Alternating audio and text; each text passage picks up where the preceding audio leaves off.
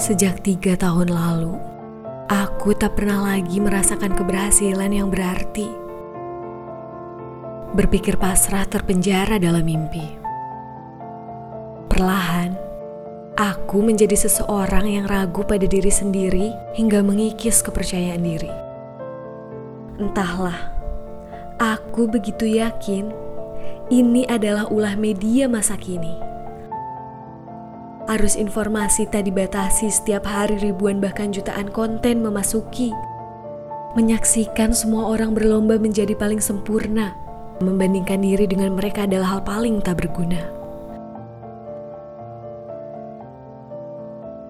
Tanpa disadari, ambisi semakin meninggi, eksistensi selalu dicari, tapi ekspektasi selalu mengingkari. Hingga akhirnya termakan emosi setiap hari karena tak pernah dihargai. Huh, lelah menjalani hari-hari tak berarti. Ingin keluar dari perangkap standarisasi dan meraih mimpi penuh esensi bukan hanya mengikuti gengsi-gengsi.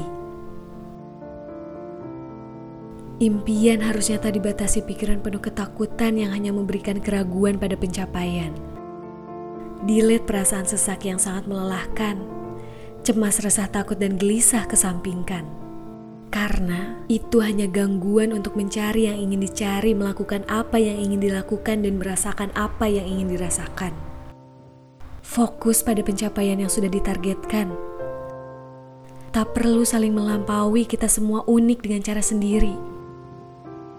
Sekali lagi, aku harus berhenti membandingkan. Standarisasi tak akan memberi makan.